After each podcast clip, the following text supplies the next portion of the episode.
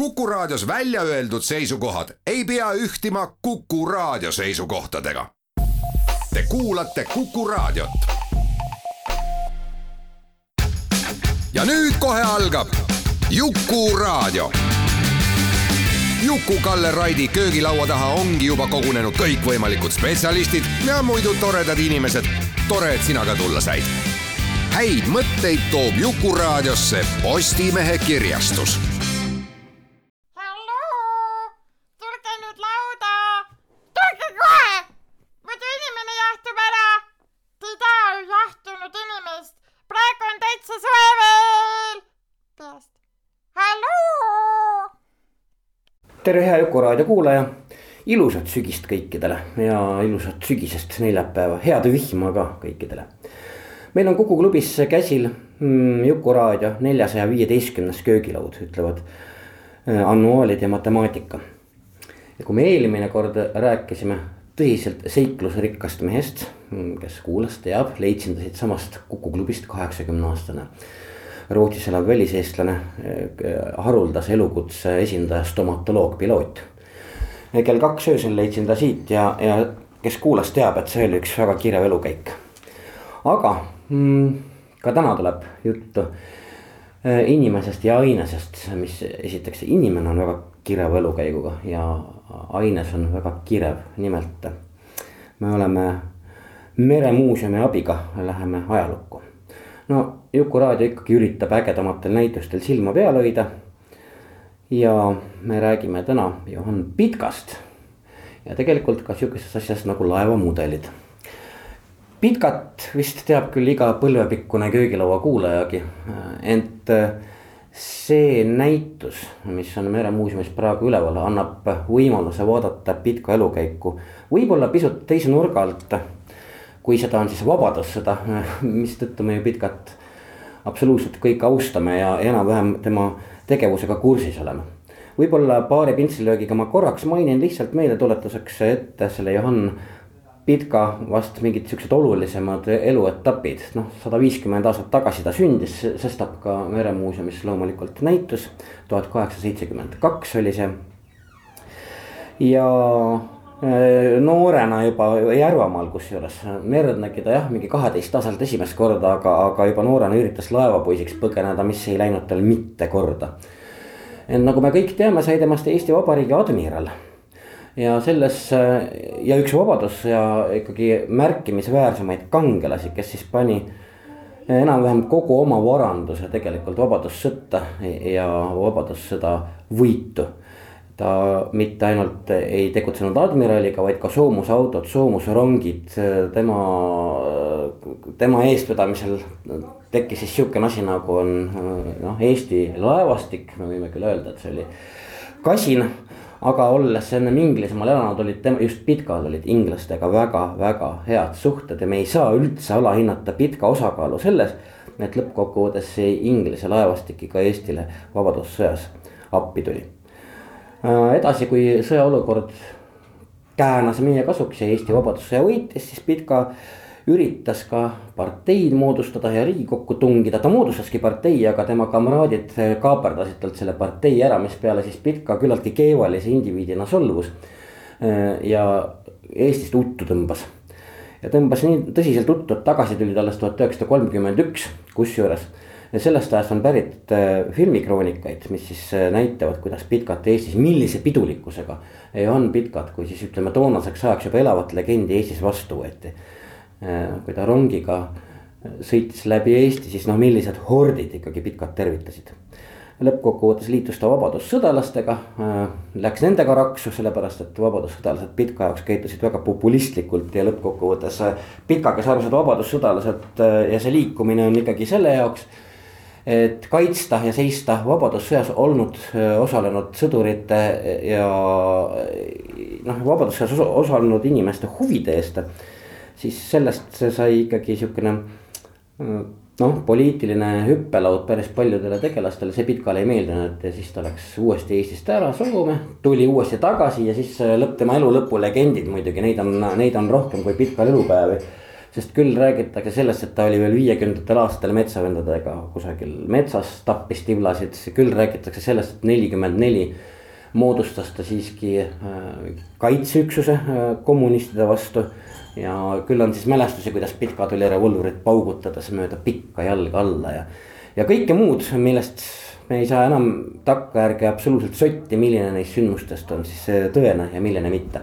aga me keskendume Pitka tõepoolest nendele eluetappidele, millest me teame palju vähem, selle jaoks on issand jumal meile saatnud Meremuuseumist teaduri Tere Teele Saar. sa oled siin ennegi käinud? Äh, vastab tõele, olen. vastab tõele, see on küll päris ammu. Ja siis kuraator Mihkel Karu. Ja me tegelikult räägime täna kahest näitusest, muuseumi näitusest korraga, üks siis käsitleb Pitka äh, kahte merereisi Ladina-Ameerikasse mis siis pandi toime siis kahekümnenda sajandi vahetuse paiku, eks ole. jah, üheksateistkümnenda sajandi viimastel aastatel. just. Ja teine asi siis eh, me eh, sukeldume ka sihukesesse huvitavasse maailma nagu on laevamudelid, siis Mihkel Karu, sina, sina oled siis selle näitusega tegelenud. Tere ka minu poolt, et jah, mina siis esindan laevamudelite näitust siin täna aga kuna pika ja lava mudelid sobivad väga hästi kokku, siis ma ei näe mingit põhjust, miks me peaksimegi neist eraldi üldse rääkima. enne kui me nüüd pitkaga edasi läheme, siis korraks nendest laevamudelitest. ma ise olen küllaltki tehnikakauge, aga ajaloohuviline ja ma arvan, et noh, laevamudelid on tingimata või noh, loomulikult nad näitavad meile tehnika arengut ja ajalugu igal juhul millised ja mis laevamudelid need on, et teeme väikese sihukese isu tekitaja kuulajale mõte lähtus sellest, et eh, siiamaani on laevamudelid meremuuseumis olnud pigem mingi teema kirjeldamine, nii-öelda abi, abimaterjal teema kirjeldamiseks, aga eh, meie mõte nüüd uue näitusega oli see, et eh, räägiks ka laevamudelist endast. mis on laevamudeli ehituse ajalugu, milliseid laevamudeleid tänasel päeval Eestis ehitatakse väga võimekate meistrite poolt ja, ja, ja, ja miks see teema üldse oluline on ja kuidas see maailm sündinud on ja mis, mis need eripärad on? see on ju ka väga täpne valdkond nagu igasugune käsitsi selliste mudelite eh, ehitamine, sest et mingis mõõtkavas üritatakse ikkagi absoluutselt igale detaili pihta saada. ja ei noh, need meistridki, kes meil on täna välja toodud eh, tänastest nii-öelda tegutsevatest Eesti meistritest, eh, paljudel on ka sellist nii-öelda peenmehaaniku tausta ja. täielik kellassepa värk ikkagi. tõesti, täiesti nii ta on räägime veidikene mudelite valikust ka, enne kui me Pitka juurde nüüd korraks sukeldume. mudeleid on siis valitud eelkõige neljalt meistrilt, välja toodud siis Juri Šurba kui üks tuntumaid Eesti mudelimeistreid, keskendub peamiselt siis erinevate purjelaevade tegemisele, on seal Aleksandr Stepanov, lisaks mootorlaevu ja aurulaevu teinud äh, Pavel Vedehhin äh, ja ka Ago Kalberg. Äh, kõik, kõik tuntud mudelimeistrid Eesti mudeleehitusmaastikul. ütleme nüüd ajaliselt need eeskujud, milles nad mudeleid teevad, et kui kaugele me võime rääkida? seal äh, ajaliselt vanimad äh, on seitseteist, kaheksateist sajand äh, noh, kus materjali on olemas lihtsalt äh, laevaehitusjooniste näol.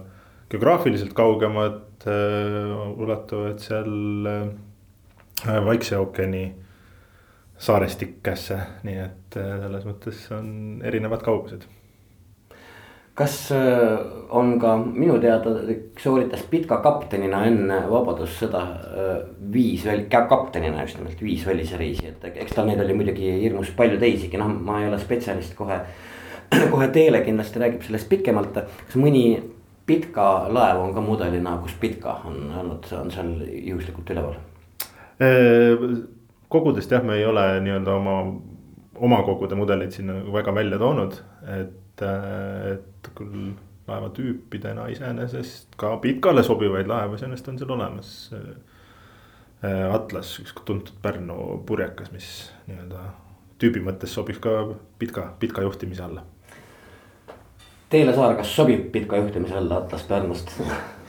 ja võiks sobida küll ja, ja sellel äh, väikesel Pitka näitusel on, äh, on meil ka üks laevamudel väljas. Äh, mis on parklaeva mudel, küll mitte selle parklaeva, mille nimi oli Lilli ja millega ta need kaks reisi Ladina-Ameerikasse tegi, aga mis on siis sama tüüpi laev ja, ja mis illustreerib äh, seda laevatüüpi, et külastaja saab ka ettekujutuse, milline see laev siis välja nägi, millega need reisid tehti Pitka oli huvitav kuju, ta on ju Järvamaal sündinud ja tõepoolest merd nägi vähemalt jah, ta enda mälestuste kohaselt esimest, esimesena kaheteistaastaselt.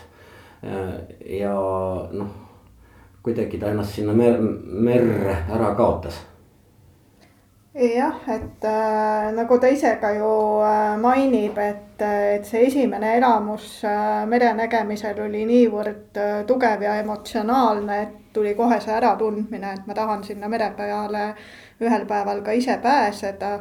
Ja, ja see unistus nagu kordagi ei kadunud tema mõtetest, et ehkki, ehkki teekond merele äh, oli, oli keerulisem kui rannapoistel, kellel tihti oli olemas tutvused laevade peal, kas isa, vanem vend, keegi äh, naabrimees, siis temal niisugused tutvused puudusid. Äh, tuli ta siis kuueteistaastasena Tallinna sadamasse, kus üritas siis erinevate laevade peale tööle saada käis kahel kevadel proovimas, keegi ei võtnud kuulda ja no kolmandal kevadel siis lõpuks Tallinna Sadama lootsipaadile ta siis äh, sai koha. Äh, põdes läbi raskelt merehaiguse ja leidis, et äh, nüüd aitab. et selle, selle väikse paadi peal tema rohkem ei sõida ja, ja läks edasi Peterburi, kus siis oli nagu rohkem õnne ja, ja kus ta sai juba suurema laeva peale.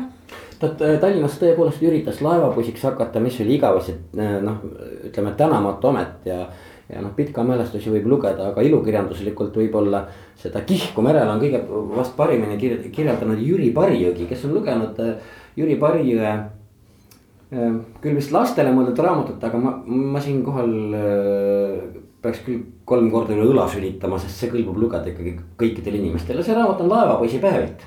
ja see ongi põhimõtteliselt siis äh, lugu sellest äh,, kuidas jah, et üks siis peategelane tunneb, et tema peab merel olema ja siis ta üritab ju noh, igal võimalusel ennast kuidagi smuugeldada, no ema eest varjates ja, ja nii edasi ja nii edasi, et see on terve. terve, terve eepos, kuidas siis inimene üritab laevapoisiks saada mis tõepoolest on hästi tänamatu amet, sest lõppkokkuvõttes sa oled noh, põhimõtteliselt sellel ajal laevapoisil on jooksupoiss ja ori seal mitte midagi muud. aga Pitka seda ikkagi tahtis. aga Peterburis, Peterburis nagu sa ütlesid, oli tal rohkem õnne, et keskendume siis sellele, kuidas tema reisid hakkasid. ja, et äh, Peterburis oli tal tõesti rohkem õnne ja, ja õnnestus siis saada esimene selline täiesti arvestatav meresõidukogemus, mille järel siis äh, äh, astus ta Käsmu merekooli, sest äh, tol ajal, üheksateistkümnendal sajandil merekooli astumiseks oli siis nõutud teatav meresõidupraktika pidi olemas olema lisaks siis algharidusele ja, ja selle tõttu oli ka see laevapoisi koht nii äh, ihaldusväärne, et muidu ei oleks olnud võimalik Praktikat. just, et oli vaja seda praktikat saada. ja, ja Käsmu merekoolis ta käis ühe aasta, hiljem siis jätkas Kuressaare merekoolis ja, ja ka Paldiski merekoolis, et no Käsmu merekool on üks äärmiselt tuntud asutus, mitte ainult äh, üldsegi Eestis ja muuseas ka meie põhjarannikul ju ehitati laevu ja paate, kaasa arvatud Käsmus. nüüd, kui me tuleme korraks laevamudelite juurde põikame, siis äh, räägime sellest, kas sihukest mudelit ka kusagil näha saab, ma ei, mitte ei tea, kas sellel näitusel, aga üldse. ikka, et meie äh, uues püsiekspositsioonis äh, Paksus Margaretas, mis me siin mõne aasta eest avasime. et seal on seda laevaehitusteemat põhjalikult välja toodud, sealhulgas ka need nii-öelda poolmudelid ehk RES-id, mis siis laevaehitus Äh, laevaehitustegevuse juures kasutusele võeti. ja, ja tegelikult ega me juttu teeme ka natuke nendest seal meie mudelinäitusel, et, et oluline osa sellest äh, mudeliehituse ajaloost on, on ka need sellised laevaehitusmudelid, et tegelikult see. see, mida me tänapäeval näeme nii-öelda laevamudelina muuseumi vitriinis. see on ka, selle juured ikkagist lähevad seal äh, mitme sajandi tagusesse Inglismaale, kus äh, laevaehitusel tegelikult mudeleid hakati kasutama. eelkõige alguses võib-olla nii-öelda äh, kliendile või, või kuningale tulevase laeva väljanägemise tutvustamiseks. aga ka siis ka reaalses, mida enam see mudeli ehitus muutus teaduspõhiseks või teadmise nii-öelda kirja pandud ja maha märgitud teadmiste põhiseks, siis tulid kasutusele nii joonised kui ka tõesti needsamad äh, ehitusmudelid juba, mida kasutati siis reaalselt ehitusplatsil mõõtude võtmiseks ja, ja. ja selle reaalselt selle laeva valmistamiseks. Käsmu merekooli Pitkaga jäime pooleli, aga eh, see näitus, mida sina teile oled kokku pannud, see tõepoolest kõneleb siis Pitka eh, epohhist kaptenina ja keskendub just nimelt kahele reisile ja, ja Ladina-Ameerikasse. mina pean absoluutselt ütlema, et ma teadsin kogu seda asja, et on Ladina-Ameerikasse sõitnud ainult nagu ühelauseliselt, et see on vist juhtunud. see on mingi, mingi asi, mis on kuidagimoodi Pitka noh, nende legendaarsete vabadas sõjaliste kangelastegude varju jäänud. mis siis tegelikult, mis temast ju lõppkokkuvõttes ka admirali ju tegid. ja kahjuks äh, tõepoolest, et äh, et tema see varasem elukäik, ehkki ta ju ise on kirjutanud äh, väga värvikad, väga vahvad ja ma isegi ütleks, et võib-olla tänapäeval lugedes ka üsna kaasaegseina mõjuvad mälestused. väga julgelt kirjutatud olnud. ja, ja et, et samas äh, sellest ei ole nii palju räägitud kui tema hilisemast elust ja, ja seetõttu tekkiski mõte, et meie kui Meremuuseum, eh, kuna me seda näitust tegime ka veidi koostöös eh, Eesti Sõjamuuseumiga, et siis meie võiksime keskenduda tema merenduslikule pärandile ja siis eh, kogu selle ülejäänud juubeliaasta jooksul siis Sõjamuuseum ja Kaitseliit saaksid käsitleda tema hilisemat elukäiku ja, ja seda sõjanduslikku pärandit ja, ja need mälestused tõesti, kuna nad on nii värvikad, siis tekkis mõte, et äh, võiks ju lasta äh, härra admiralil endal kõneleda näituse külastajaga ja, ja sealt siis äh, lähtudes ka selle näituseruumi mahutavusest otsustasime, et, et salvestame mõned lood audiolugudena, et et just selliseid värvikamaid lugusid siis tema reisidelt sai, sai välja otsitud ja, ja ütleme nii, et äh, et ehkki seal raamatus ütleme neid seiklusi jagub äh, leheküljelt leheküljele, siis meie eesmärk võib-olla ei olnud mitte ainuüksi neid seikluslikke lugusid kajastada, vaid ehk ka näituse külastajale midagi õpetada läbi tema lugude äh, merenduse ja meresõidu kohta, et, äh, et selles mõttes need lood on sinna valitud erinevatel teemadel, eh, mis sealt tema reisidelt välja on kujunenud, näiteks eh, loomad laevas, suhted meeskonnaga, meeskonna juhtimine, aga samal ajal ka selline merekaubanduse toimimine tollal sadamates. et et erinevatel näituse külastajatel, et näiteks lastele väga meeldivad kõik need loomalood, aga, aga täiskasvanud suudavad ka süveneda nendesse keerulisematesse tagamaadesse. Üheksateistkümnenda sajandi lõpuaastad, mil ta Ladina-Ameerikasse purjetas, Pitka, hilisem admiral, siis tegelikult markeerib Eesti ajaloos äh, mingit teatud aega, kui üldse esimesed eestlased sattusid sinna elama. Ja just nimelt üheksateistkümnenda sajandi lõpul kes sinna siis noh, näiteks Brasiilia veel ka, teate, kuhu siis moodustati omi kogukonda, nii et selleks hetkeks, kui Eesti sai vabaks tuhat üheksasada kaheksateist. oli täitsa arvestatavalt. no me muidugi Eesti rahvaarvu, rahvaarvule mõeldes me ei saa rääkida tuhandetest.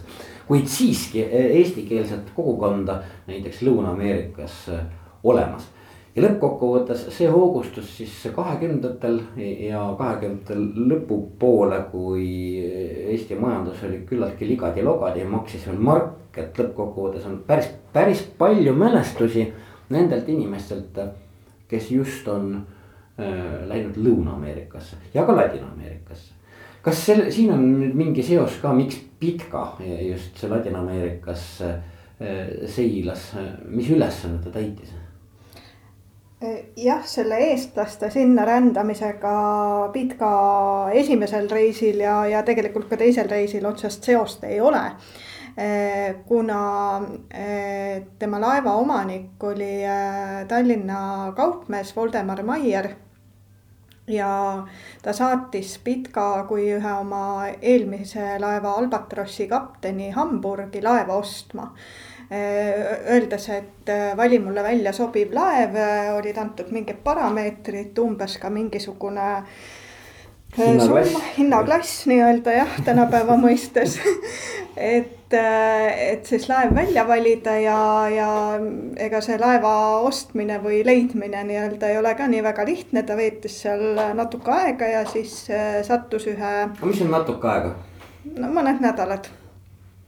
Ühe Rootsi kapteni peale, sellise vanema härra pea, peale, kes siis äh, oli otsustanud oma laeva müüa ja, ja jääda siis ise maale juba aga see laev oli juba lastitud ja, ja ta oli lastitud siis Rio de Janeirosse. et see kaup pidi, jõudma sinna, aga kõik see hinnaklass, kõik muud parameetrid väga hästi sobisid ja ta saatis Pitka siis Hamburgist kirja Tallinnasse, et. et kas käin ära? kas, kas ostame selle laeva ja selle peale Maier vastas, et kui, kui sinule sobib nii pikk reis ette võtta, siis, siis nagu muu kõik sobib. ja, ja kuna ta arvas, et võiks, võiks minna, siis, siis saigi. Rio de Janeiro ja ostab pendeli unistuste linn, kus kõik käivad valgetes pükstes nagu me teame, eks ole aga siis see oli siis tema, siis tema esimene selline hästi kaugem reis, eks ole, seesama. jah. et. ähm, see oli ka esimene kord, kui ta ookeanile sattus. ja ilmselt, ilmselt sellest või noh, ma tean, et sellest on ta ka siis kirjutanud, aga võib-olla natukene lahkama seda esimest reisi, see on ikkagi jube põnev, et sa tegelikult ostad laeva, mis on lastitud juba ja ups noh, sorry, aga pead sõitma Rio de Janeirosse sellega. et noh, see kõlabki nagu Ostap Benderi äh, lugu ju tegelikult. Ja et äh, kuna laeval oli tol hetkel ka selle Rootsi omaniku meeskond ja laev tuli ümber kirjutada, siis äh, Vene paberi, noh paberit vormistada, et laev omanikku vahetas. siis seda ei tehtud sealsamas Hamburgis, kus laev siis lastimisel oli, vaid nad sõitsid Rootsi Norrköpingisse ja Norrköpingis toimus siis nii laeva nimevahetus. laeva endine nimi oli Meridian, millest sai siis nüüd Lilli. ja, ja siis tuli ka Eestist meeskond laeva aga kahjuks ei olnud Eestis tol hetkel olemas vaba tüürimeest ja, ja sealt sai alguse siis pikk jada, mis Lilli kaptenina Pitkat kogu aeg vaevas, et, et tal oli pidevalt jama tüürimeestega ja, ja tüürimehe ta sai siis alles Kopenhaagenist, kui nad seal siis provianti peale võtsid ja, ja ta kohe algul sai aru, et ega, ega see tüürimees vist väga usaldusväärne ei ole. takso on, aga juhti ei ole jah, eks see oli, oli keeruline. aga mm, seesama esimene Rio de Janeiro äh, reis, noh, need olid temale tõelised tegelikult ja ookeaniristsed ja see esimene reis äh, mingis mõttes kujunes üheks raskemaks, nad olid teel kokku kaheksakümmend viis päeva üle ookeani. Äh, see teeb siis äh, kolm kuud. ligi kolm kuud jah, viis päeva vähem umbes.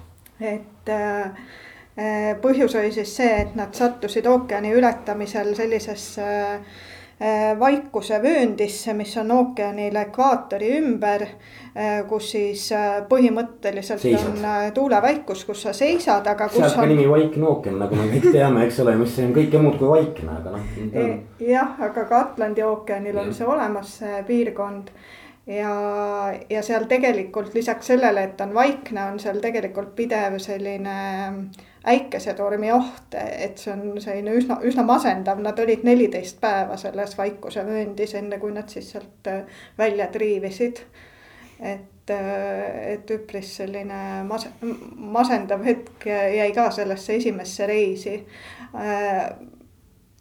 ka tagasiteel oli äh, reis üle Atlandi keeruline, sest äh, meeskond haigestus skorbuuti. ja, ja lõpuks siis jõudes äh, üle Atlandi tagasi Euroopa poolele, oli laevas ainult kolm töövõimelist meest. kui suur see meeskond algselt oli? üksteist meest oli. Need kaheksa tüüpi olid nurgas kuskil? jah ja siin siis jah, et kui me nüüd mõtleme, et skorbuut kuulub kuhu, kuhugi varauusaega, kui kõvasti maid avastati, siis ei midagi, et äh, natuke rohkem kui sada aastat tagasi. Ja, ja Pitka ka ise on öelnud, et ta tegelikult alahindas selle sidrunivee olemasolu tähtsust laevas, et oleks seda rohkem olnud, poleks äh, nii palju jama tekkinud kui me nüüd räägime laevast Lili, siis Mihkel, kas sa, äh, kas sellele näitusele, mida sina kureerisid, on olemas midagi, mis võiks sellele sarnaneda, sellele Pitka Odusseiale Rio de Janeirosse? Või meremuuseumis äh, üldse? ei, meremuuseumis ikka leiab ajastu ja mõõtmete suhtes äh, sarnaseid, sarnaseid laevu. ma nüüd teid kindlust ei oma, kas mingitki laevamudelit meie kogudest ei ole kunagi lilliks peetud. Teele oskab võib-olla meelde tuletada. et kas mingisugusel ajahetkel vist mingit mudelit on sellena isegi pakutud, sest ka vist äh, Pitka äh, mälestustes on läbi käinud, et ka see mudel on olemas olnud, äh, kui ma ei eksi. aga jah, ei otseselt seal näitusel päris midagi sarnast ma ütleks, et ei ole, aga. aga noh, ikkagist jälle, jälle, jälle juttu seal ikkagist ka samasugustest laevadest on. et, et, et, et ega siis see ei olnud ju mingi väga erandlik asi, et ta oli kindel tüüp pigem. et äh, ja, ja selliseid äh, nii-öelda sama, samatüübilisi võib-olla ka tõesti sealt meie püsiekspositsioonist Paksus Margaretas, et. Hiiumaa mudel näiteks, oskad sa selle lilli kohta öelda, et, et kas see siis vastab tõele, et see mudel on olemas olnud ja, ja mida siis on Meremuuseumis selleks samaks Pitka kamandatud lilliks, mis Rio de Janeirosse kulges ja inimesed skorbuuti haigestas. on, on siukene, on see nüüd legend või siis ongi olemas olnud siukene mudel? pigem seal on olnud selline erinevatel aegadel erinevate andmete jõudmine muuseumisse. see mudel, mida siis mingil ajal on peetud Lilli mudeliks, on meil jätkuvalt olemas, aga see tegelikult ei ole Lilli mudel, see on siis äh,. Rock City, Rock City jah ja. et kuna selle Lilli ostis hiljem Pitka käest ära äh, Äh, Kihnu jonn. ja Kihnu jonni viimane laev oli Rock City, siis seal on tekkinud sihuke legendis mingi selline nihe ühel hetkel Just. kellegi jutustuses ja, ja keegi äh, varasem äh, kuraator või teadur on selle kirja pannud, aga, aga jah, paraku tegelikult ikkagi on tegemist Rock City mudeliga. just. okei okay,, me teeme ühe väikese pausi neljasaja viieteistkümnendas köögilauas, siin on Mihkel Karu, Meremuuseumi kuraator. Teele Saar, Meremuuseumi teadur. seda saadet ajendas meid tegema eh, Johann Pitka ja laevad ja näitus siis Johann Pitka mm, põhimõtteliselt kahest eh, reisist üheksateistkümnenda sajandi lõpul Ladina-Ameerikasse. ja muidugi ka siis laevamudelite näitus, ma mõtlesin, ma segan need tõepoolest siin köögilauas ära, sest siin on need, need asjad klapivad hästi, väga hästi kokku. me tuleme hetke pärast tagasi ja siis kulgeme pitkaradadel natukene edasi, sest me rääkisime praegu vaid esimesest reisist. Te olete Kuku Raadio lainel ja kuulate Jukuraadiot. häid mõtteid toob Jukuraadiosse Postimehe kirjastus Jukuraadio neljasaja viieteistkümnes köögilaud jätkub Kuku klubis juba teist korda, vahepeal me ju rändasime köögilauaga ringi. kes nüüd esimest plokki kuulas, teab, et kõneaine või köögilaua aine andis meile täna admiral Johann Pitka ja Meremuuseum. Ja ka loomulikult see, et me ei, ei jutusta ümber Pitka olulisust Vabadussõjas ja hiljemgi ja tema noh, ütleme legendaarseid ja küllaltki avantüristlikke sõjameheoskusi. vaid hoopistükkis meil on täna siin Meremuuseumi teadur Teele Saar. ja siis laevamudelite näituse kuraator Mihkel Karu.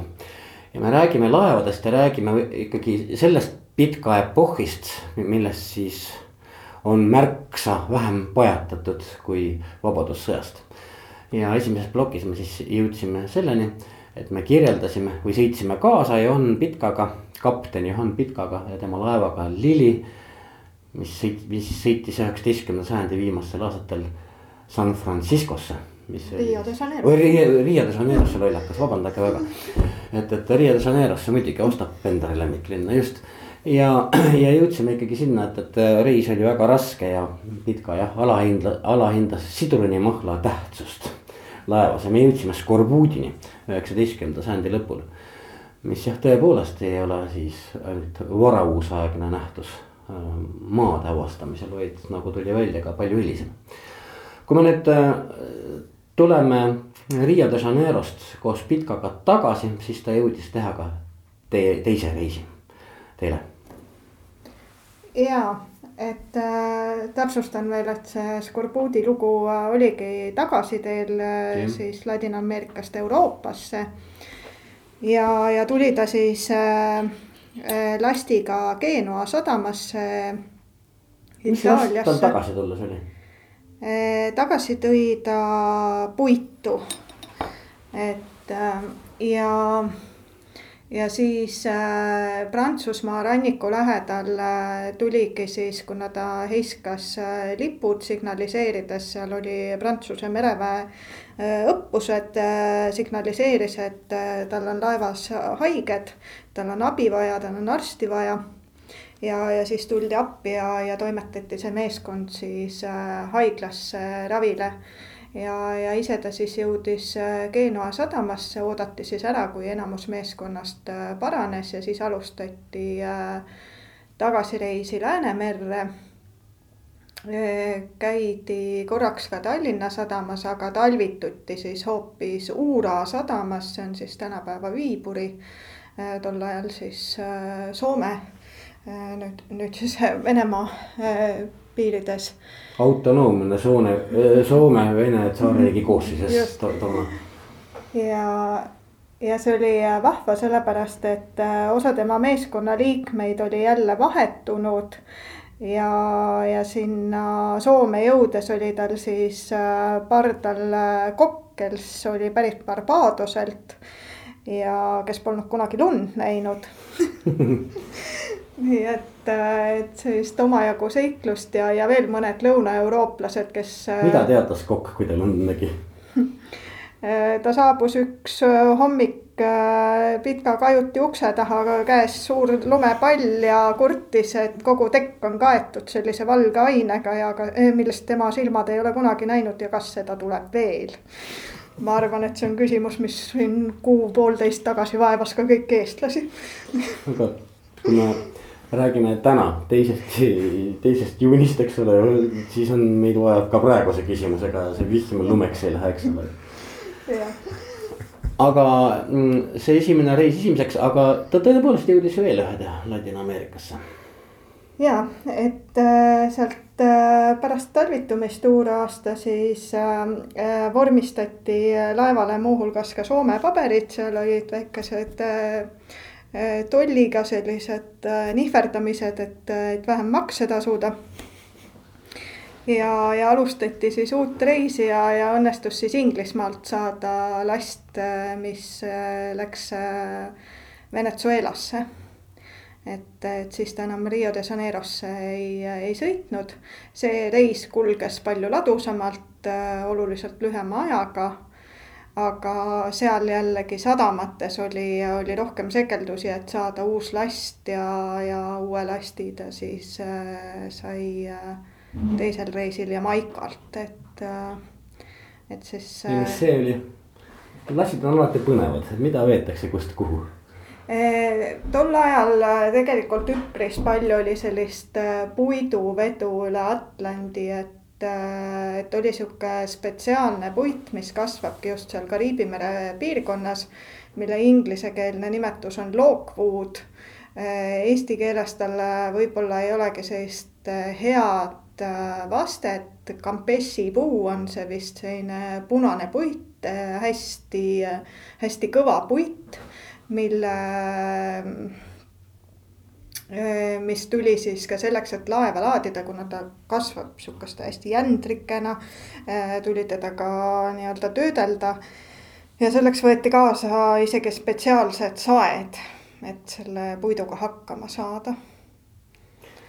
aga teine reis kulges ladusamalt ja, ja tegelikult kogu seda asja jälgis siis Pitka kirjade kaudu ju laeva omanik ja. Eestis.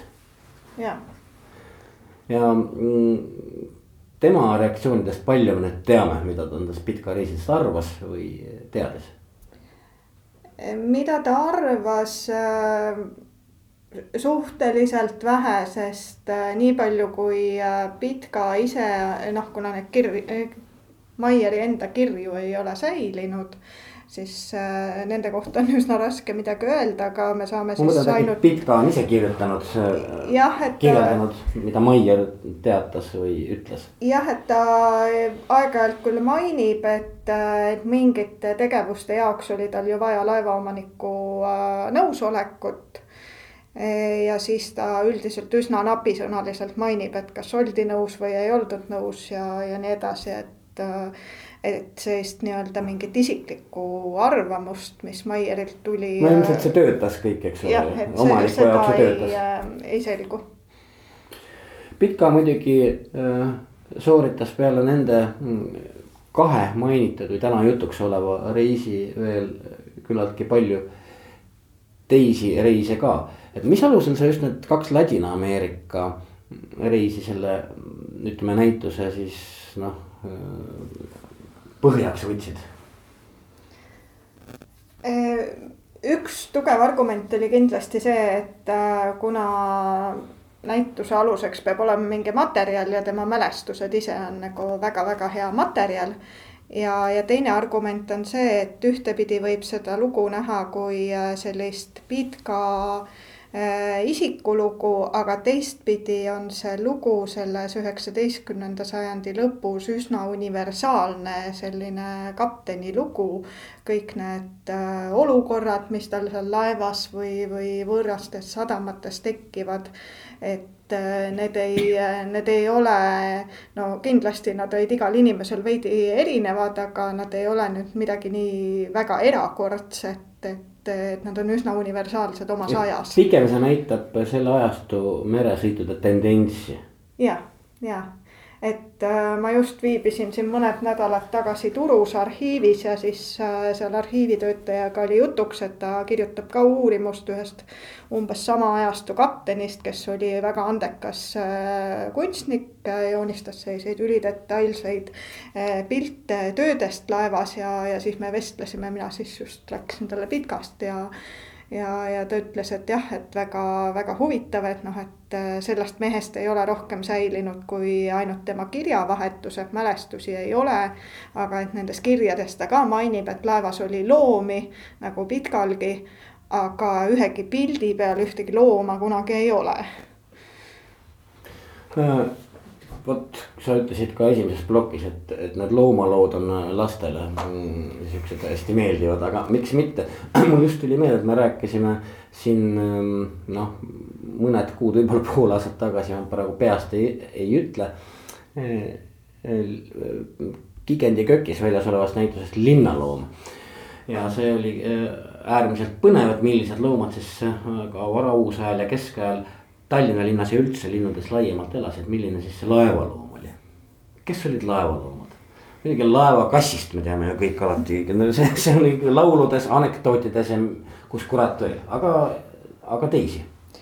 vot kassi pikal laevas ei olnud, aga. kes, kes rotte püüdis jah, äh, rottidest ma ka kahjuks ei tea, selle eest oli tal näiteks algul, kui ta laeva ostis seal tohutu hulk prussakaid, kelle Eh, kelle ta ära tõrjus aga ja, et eh, sellel ajal oli üsna tavapärane, et eh, et nendes eksootilistes piirkondades kohalikud elanikud müüsid loomi. ka selliseid eksootilisi isendeid laevadele.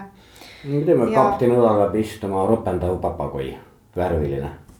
Pitkal oli lausa kolm papagoid lisaks ka üks ahv, alligaator, kapibaara, mis on maailma suurim näriline ja, ja veel mõned loomad. et, et jah, see loomaaed oli päris kirju seal laevas, vahel tekkis täitsa küsimus, kuidas nad kõik omavahel hakkama said, nii et keegi kedagi ära ei söönud. aga, aga said ja, ja nad pakkusid äh, laevaperele ka tegelikult lusti ja rõõmu seal korraldades äh, äh, erinevaid seiklusi laevapardal. näiteks? no näiteks äh, esialgu siis, kui olid äh, laeva kolinud papagoid, siis nad asusid elama päästepaadi alla aeru peale, kus neil oli mõnus nagu õrrel istuda. õppisid ära ka mõned äh, eesti ja soomekeelsed sõnad. Ja äh, lisaks hispaania keelele, mida nad juba oskasid. väga haritud linnud. jah polüglotid. polüglotid jah ja, ja siis, kui äh, tuli ahv, kelle nimeks sai Pedro, siis äh, Pedrole meeldis väga neid papagoisid kiusata. ta siis võttis sellest aerust kinni, rippus seal ja keeras see aeru teistpidi, nii et papagoid jäid jalad ülespidi rippuma. Ja kisasid nii kaua Pedro peale, kui siis keegi laevameeskonna liige tuli ja keeras nad jälle õiget pidi. aga noh, selle häda vastu siis aitas aeru kinnisidumine, et Pedro ei saanud neid enam seal ringiratast keerutada no see on alligaator, ahv, papagoid, prussakad, see kõlab nagu noalaev tegelikult, peaaegu. peaaegu jah, et. Ja, ja räägi, räägi, loomadest on ikka tore kuulata. usu mind, kõigil on praegu nunnumeeter laes täitsa raudselt, ahv Pedro, kes kiusab papagoisid jah, et võib-olla see ahvi ja papagoide lugu on, on selgelt kõige sellisem lõbusam nendest lugudest aga, aga ja, et, et sel, sellel ajastul tõepoolest selliseid eksootilisi loomi tuli ja tegelikult kõige nagu suurem probleem äh,. Kui nad olid seal soojades vetes, siis oli nagu elu ilus ja saadi üldjuhul hakkama, aga kui nad jõudsid siis nii-öelda meile siia Läänemere äärde tagasi, siis sageli tekkis kaptenitel probleem, mis nendest loomadest edasi saab ja, ja tegelikult paljud äh, loomaaiad, mis juba tol ajal üheksateistkümnenda sajandi lõpus äh, rajati näiteks. rändloomaaiad põhiliselt tegelikult veel toona. jah, aga ka näiteks Helsingi loomaaed oli tol ajal juba olemas. Londonis ka, jah. ja et äh, nemad said tihti oma loomad just meremeeste käest ja laevade pealt siis, mis anti ära loomaaeda, sest noh, polnud ju võimalusi neid loomi meie kliimas nii-öelda ise kuidagi äh, kasvatada või pidada. aga mis meie hilisem admiral Pitka loomaaiast sai, jätame nüüd need prussakad kõrvale, mille ta ära tõrjus äh, kahjuks ma tegelikult ei tea, mis sellest sai, aga sellega oli selline tore lugu, et äh, et ta jõudis oma teise reisi lõpuks tänapäeva Liepaja, tol ajal kutsutud siis Liibavi sadamasse Lätis ja, ja seal see laevas olev loomaaed pakkus koolilastele tõelist rõõmu. ja siis äh, kooli juhataja palus äh, kohalikul tollil panna laeva juurde valve, kes saadab lapsed laeva juurest kooli ära, sest muidu nad kooli ei jõuagi. jäävad loomi kohtima, eksootilisi loomi, loomulikult kui me nüüd äh, teele jutust kuulsime, Mihkel, et Pitkal oli esimesel reisil meeskonnas üksteist liiget, eks ole ju, kaheksa neist lõpuks skorbuudiga maas ja me vaatame äh, laevamudelit ja katsume nüüd need üksteist äh, inimest ära paigutada, siis hästi oluline ongi see nii-öelda päris eluline mõõtkava, mida sa laevamudeli pealt ehk mm, oskad kirjeldada, sest üksteist meeskonnaliiget ma olen muidugi absoluutne uhik, vabandage väga, tundub tegelikult hullult pisikene meeskond. no ega, ega need tänapäeval meeskonnad suuremad ei ole, võtame siin suurimad kaubalaevad. tehnika on arenenud. tehnika on arenenud jah. et aga ei, tegelikult selle siis eh, seos, seosed eh, selle mudelimaailmaga on tegelikult ju täitsa olemas ka, et eh, suure tõenäosusega needsama hetked, mis Teele siin kirjeldas, kus tuli mis oli kaks nädalat istuda tuulevaikuses keset, keset ookeani. noh, kuidagi sa pead ju seda aega sisustama, sest tegelikult äh, see, see mudelite valmistamine ja millegi kallal nokitsemine, et see on ka ju, ju, ju meremeestele väga omane, et noh, kõige, kõige kuulsamaks meie jaoks on muidugi mudel pudelis, eks ole, sellest, sellest mudeliehituse. kõik oleme lapsepõlves mõelnud, kuidas kurat nad selle pudelisse said võluväel ikka, ikka lihtne ju. et aga ja noh, ja, ja, ja ka muud, et ega nad ainult seda pudelisse seda mudelit ei ajanud, vaid, vaid ka meisterdasid lihtsalt erinevaid, erinevaid asju ja.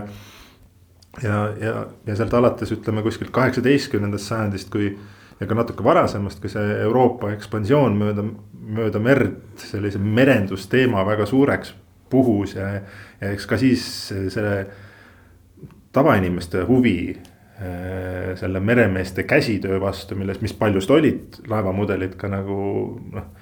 Äh, suurendas ja, ja, ja sealt ka paljud äh, need mudelid nii-öelda inimeste kodudesse jõudsid nipsasjakeste iluasjadena ja, ja. järgemööda tõusis, tõusis ka meremeeste käteosavus Äh, nii et ka tänasel päeval paljud, paljud ka meistrid, kellega meie oleme koos teinud, nendel on ka seda nii-öelda meremehe, meremehe tausta näiteks, nii et. Äh, et see äh, seos on seal täitsa olemas ka just selliste pikkade, pikkade reisidega. ja, ja teine asi, mis ka siit kõrva jäi, oli see, et see omapärane puit, mida seal toodi, ma arvan yeah., et see kõlab täpselt niimoodi, et sobiks väga hästi mudeliehitusmaterjaliks, arvestades seda kui olulist rolli tegelikult ka see materjali valik Äh, mudelimeistri jaoks nagu mängib, et sa ikka ei võta päris nii, et võtad nüüd äh, männilaua ette ja hakkad valmistama, eks ole, et sul peab ka olema. puukuurist paadikast äh,. ikka sobiv puit, millest, eriti kui sul on nagu eesmärgiks äh, võimalikult tõetruu laevamudel teha, siis ka see, see materjali valik ja materjali käsitsemise oskus on nagu väga, väga oluline sellele meistrile, et. et ka ikkagist sellised tiheda äh, puusöega liigid äh, ja, ja, ja kõvad puidud, et need on, need on need olulised, mida kasutatakse, kui noh, kui me räägime siis puidust mudelist valmistamisest. aga nii, et me peame ütlema, et, et kui me loeme veel üheksateistkümnenda sajandi mm, merendusalast ilukirjandust, siis äh, seal sellised stammkirjeldused, mis kõnelevad põhiliselt, kuidas meremehed jõid rummi, nagu mina praegu, eks ole, tänase ilma puhul ainult seda tegid, siis see paraku vastab ebatõele. ei no seda ka tehti, aga et, et ka oli neid nii-öelda muid, muid viise, kuidas seda enda meelt lahutada ja, ja tõesti mudelehitus üks nendest meelelahutusviisidest seal oli, millegi kallal nokitsemine. aga ikkagi ma pean küsima, sest ma ei tea ja ma elu on õpetanud ära häbene olla loll, kuidas saab mudel pudelisse? sa ütlesid võluväe, ma ei usu sind noh. no ei ole tõesti tihti see on ikkagist nii, et mingis mahus ehitatakse see mudel valmis, noh nii palju, kui seda sealt pudeli suust sisse mahub. võimalik, et ka nii, et on nii-öelda päris. Mudel... mudel on ju mõnikord pudeli suurune enam. no aga siis küll, aidatakse jupphaaval sealt sisse ja osale, osale puhtadel on ka see, et kui on võimalik ka nii teha, et sa. Need äh, mastid ja kõik asjad on nii-öelda püsti tõstetavad, ehk siis nii-öelda siukse kompaktse kokkupakituna aetakse teda sealt pudeli suust sisse. siis tõmmatakse nööri. ja siis tõmmatakse lihtsalt nii-öelda abivahendite abil ta siis püsti. täitsa õudne Teile ma lihtsalt pean küsima, kas sa, sa ei tea, noh pikal kaptenina muidugi vähemalt nendel reisidel ilmselt ei olnud aega mudelit pudelisse ajada kujutan pilti. vähemalt ta pole sellest kirjutanud ei ole ja, aga ma teeks veel ühe ääremärkuse, sa küsisid äh, nende meeskonnaliikmete kohta, et nagu nii suures laevas nii vähe inimesi. et äh, tegelikult need äh,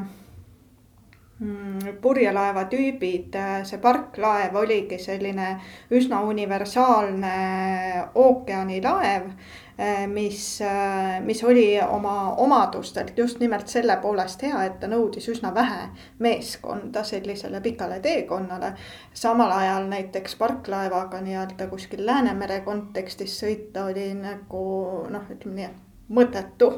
et, et noh, et siia, siia konteksti ta ei sobinud, aga siin jälle sõideti kaljaste või, või kuunaritega, mis äh, oleksid nõudnud äh, omakorda ookeani peal äh, liiga palju nagu inimtööjõudu, et, et kõik need laevatüübid on ka nii-öelda ajaloos kujunenud välja tegelikult vastavalt sellele vajadusele, kus neid kasutati. nii et Pilka sõitis meil hilisem admiral parklaevaga oma Jah. Ladina-Ameerika reisid kuulge, meie köögilaud neljasaja viieteistkümnes on saanud läbi ja mis me siis nüüd tegime, me laevamudeleid piltlikustades tegime kaasa paar reisi hilisema Eesti esimese admirali Johan Pitkaga, aga legendaarse vabadussõja kangelasega.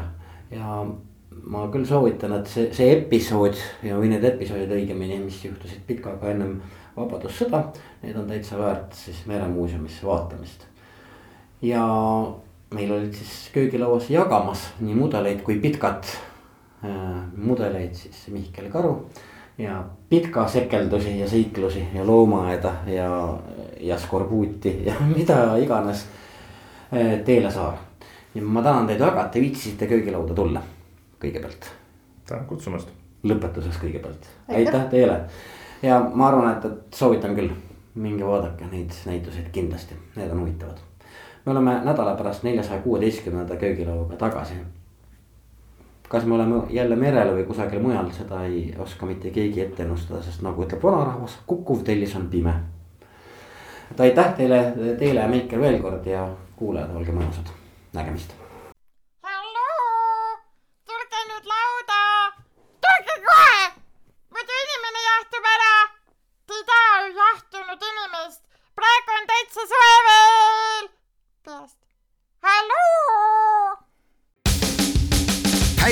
Mõtteid toob Jukuraadiosse Postimehe kirjastus